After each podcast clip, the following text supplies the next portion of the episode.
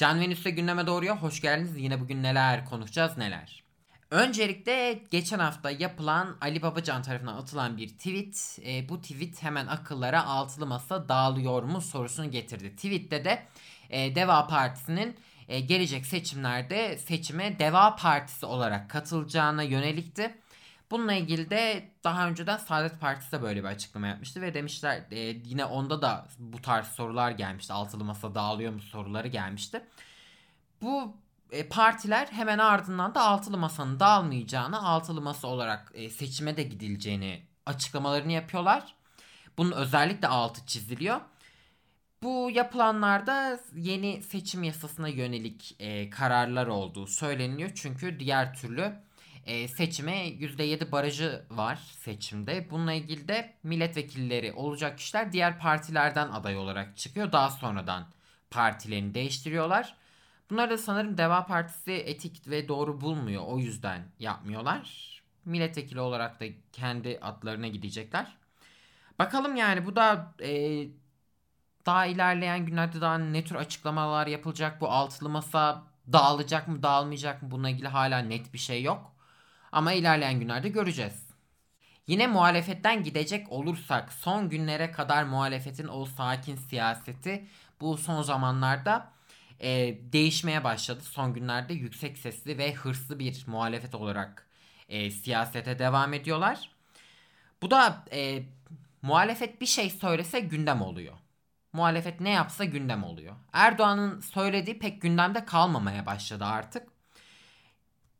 Ya bu sadece altılı masa nezdinde de değil. Hani e, ülkede mültecilerle alakalı bir muhalefet partisi bir yorum yapıyor. E, gündeme oturuyor Twitter'da gündeme oturuyor. Diğer başka biri geziyle alakalı, gezi parkıyla alakalı bir açıklama yapıyor.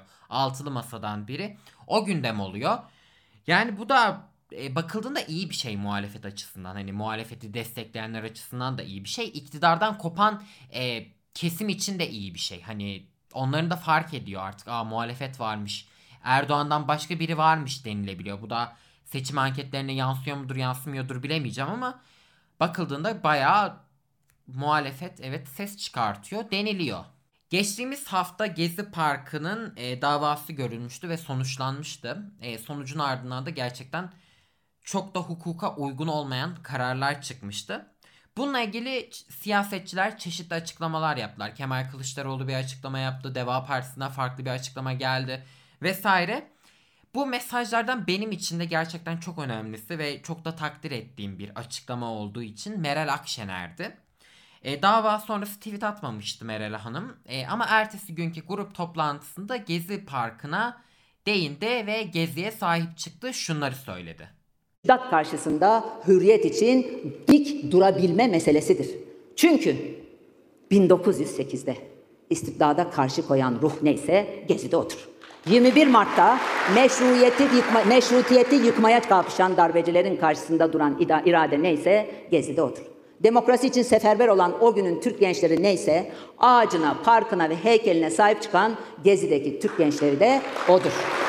Değerli dava arkadaşlarım, Türk modernleşmesinin önünde her zaman engeller olacak. Her devirde mutlaka yeni derviş vahdetiler çıkacak. Her devirde bizi bu hazineden mahrum etmek isteyecek dahili ve harici bedhahlarımız olacak. Varsın olsun. Çünkü her devirde bu vatanın bekçiliğini yapacak gençleri de olacak. Vahdetilerin karşısına dikilecek, vahdetilerin karşısına dikilecek Mustafa Kemalleri de olacak. Topçu kışlası hayallerine kapılanların karşısında dimdik duran çapulcuları da olacak. İşte o nedenle buradan bir kez daha ilan ediyorum.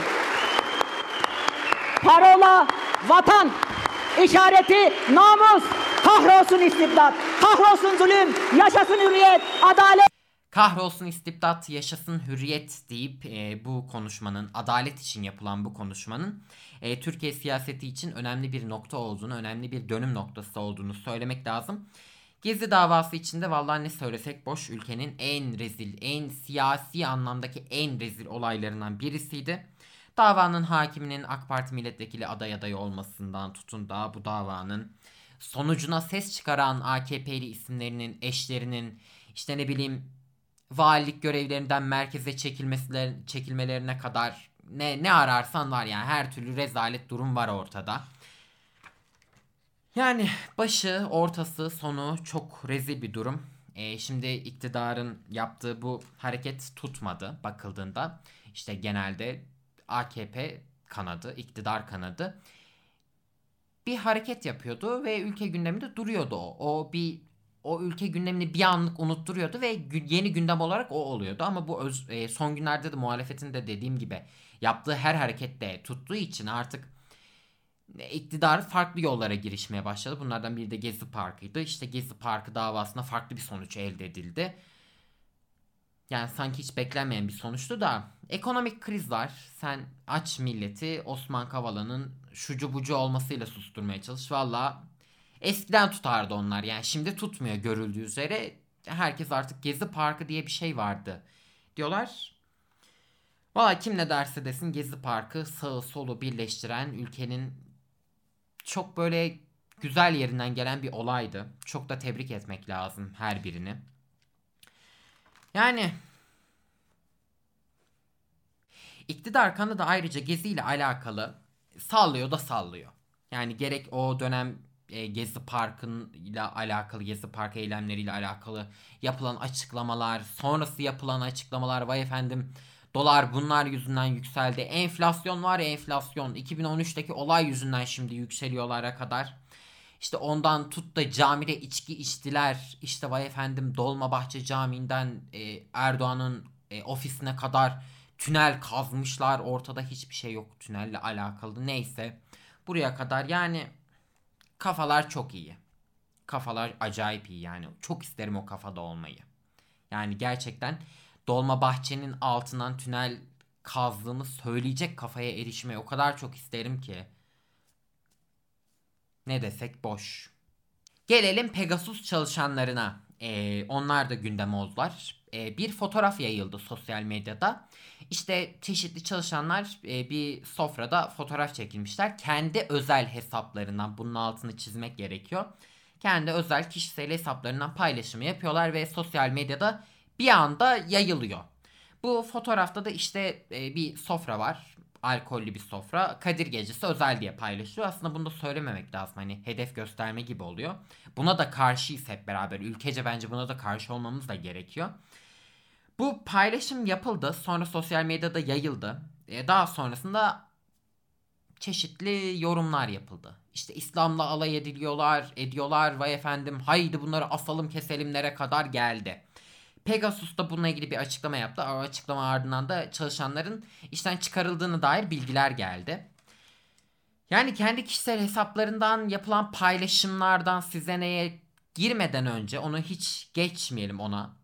Yani bu insanlar tehdit edildiler. Bu insanlar tehdit edildi. Daha da ilginç bir yanı var. Bu insanları savunan insanlar e, konuyu Atatürk'e getirdiler. Bu insanların karşıt düşüncesinde olan insanlar da yine konuyu Atatürk'e getirdiler. Yani konunun Atatürk'le ne tür bir alakası var? Yani Atatürk ben ne alaka diyor mudur? Valla e, garip bir yerdeyiz. Ülke olarak gerçekten çok garip bir yerdeyiz. Siyasal İslam'ın ne tür bir noktaya geldiğini çok net bir şekilde görüyoruz. Konuyu ortaya koyuyorsunuz ve sağından solundan bakıp diyorsunuz ki yani millet nelerle uğraşıyor? Birinci dünya ülkeleri biz nelerle uğraşıyoruz? Bakmak da gerekiyor bu olaya. Dediğim gibi sağından ve solundan bakmak gerekiyor. Kendilerine saygı isteyen insanların başka insanlara saygı duyup duymadığını görmek gerekiyor. Özellikle bu markalara da ayrıyeten sormak gerekiyor. Acaba homofobik çalışanları varsa onları da gerçekten etik kurullarından geçiriyorlar mı? Çünkü Pegasus yaptığı açıklamada etik kurullarından vesaire bahsettiler. Kurallarından bahsettiler. Yani saygı istiyorsan önce saygı duyman gerekir ama tabi gel de bunu herkese anlat. Ve beni de kendine çeken diğer bir olay. En önemli konu. Erdoğan ve Cemal Kaşıkçı cinayetinde taraf olan Suudi Arabistan buluşması. Yine Erdoğan'ın tabiri caizse R'lerinden birisi bu e, Suudi Arabistan ziyareti. Seneler sonra yapılan ziyaret. Cemal Kaşıkçı cinayeti vardı hepimizin bildiği gibi. Türkiye buna çok sert tepki göstermişti. Ve bu davada geçtiğimiz haftalarda Suudi Arabistan'a gönderildi. Yani Erdoğan öyle büyük açıklamalar yaptı ki o açıklamalardan biri bu. Veliaht Prens dedi ki Cemal Kaşıkçı başkonsolosluktan çıktı. Kaşıkçı çocuk mu? Nişanlısını alıp onunla beraber oradan ayrılmaz mıydı? Bunlar dünyayı enayi zannediyor. İnsanları enayi zannediyor. Bu millet enayi değil hesabı sormasını bilir. Belgeleri dinlemek istedi ama bir de almak istedi. Ya kusura bakmayın dedi. O kadar değil. Dinletiriz, gösteririz ama vermeyiz. Ha verelim de ondan sonra bir de bunları yok mu edeceksin? Valla insana nereden nereye dedirtiyor kendi kendine. Çünkü bu tarz görseller geldi Suudi Arabistan buluşmalarından. Yani Türkiye ve Suudi Arabistan arası aslında önceden de çok gergindi. Hani bakıldığında eskiden de çok gergindi. Ama bu son dönemlerde artık e, Türkiye'nin eko, ülke ekonomisinin artık verdiği ne yapacağını bilememezlikle beraber Erdoğan dış politikada e, U dönüşlerine devam ediyor. Suudi Arabistan'da bunlardan biriydi bakıldığında. E, İsrail'le bir, bir araya gelmeler, onlarla buluşmalar, işte ne bileyim İsrail'de yaşanan terör olaylarına e, Erdoğan'ın tepki göstermesi. Bu Suudi Arabistan'la ilgili de e, Suudi Arabistan'da yapılan haberler var. İşte Erdoğan davet edildiğini söylüyor. Ama Suudi Arabistan tarafından daha doğrusu onların basınından gelen sözler var. Erdoğan davet edilmedi, talep etti. Erdoğan daveti talep etmiş. Bununla ilgili de e, Cumhurbaşkanı Erdoğan muhalefetin de diline düştü bakıldığında. Ülkesinde e, Kemal Kılıçdaroğlu ülkesinde masum insanları müebbet verdirir ve bunu havalimanında savunur. Sonra uçaktan iner, katille kucak, kucaklaşmaya gider koşa koşa. Kendi ülkesine insan parçalayanın önünde eğilir, gözleri onu aşkla güler. İşte sen busun Erdoğan, utan diyeceğim ama nafile dedi. Yani hani gerçekten Erdoğan muhalefetin diline yine güzel bir olay verdi, laf verdi. Muhalefet bunu da iyi kullanıyor. Yapılan açıklamaya bakıldığında da yani hani karşı değiliz. Gerçekten ben de karşı değilim şahsi olarak. Hani Erdoğan'ın bu dış politikadaki yeni adımlarını ben de çok destekliyorum. Ama yani bunun sosyolojik açıdan bakmak gerekir. Hani Hani o dünya lideri lafının arkasında duran dünya lideri denilir. Hayırlısı artık ne diyelim yani gerçekten yarın farklı bir şey uyanırız onu da ben hiç bilemem çünkü ülke gündeminde her an her şey olabiliyor. Bugünlük benden bu kadar. Ee, çok daha güzel yarınlarda, çok daha güzel haberlerde tekrardan buluşmak dileğiyle. Kendinize çok çok iyi bakın. Hoşçakalın. Kanalıma abone olmayı ve videoyu beğenmeyi unutmayın. Teşekkür ediyorum.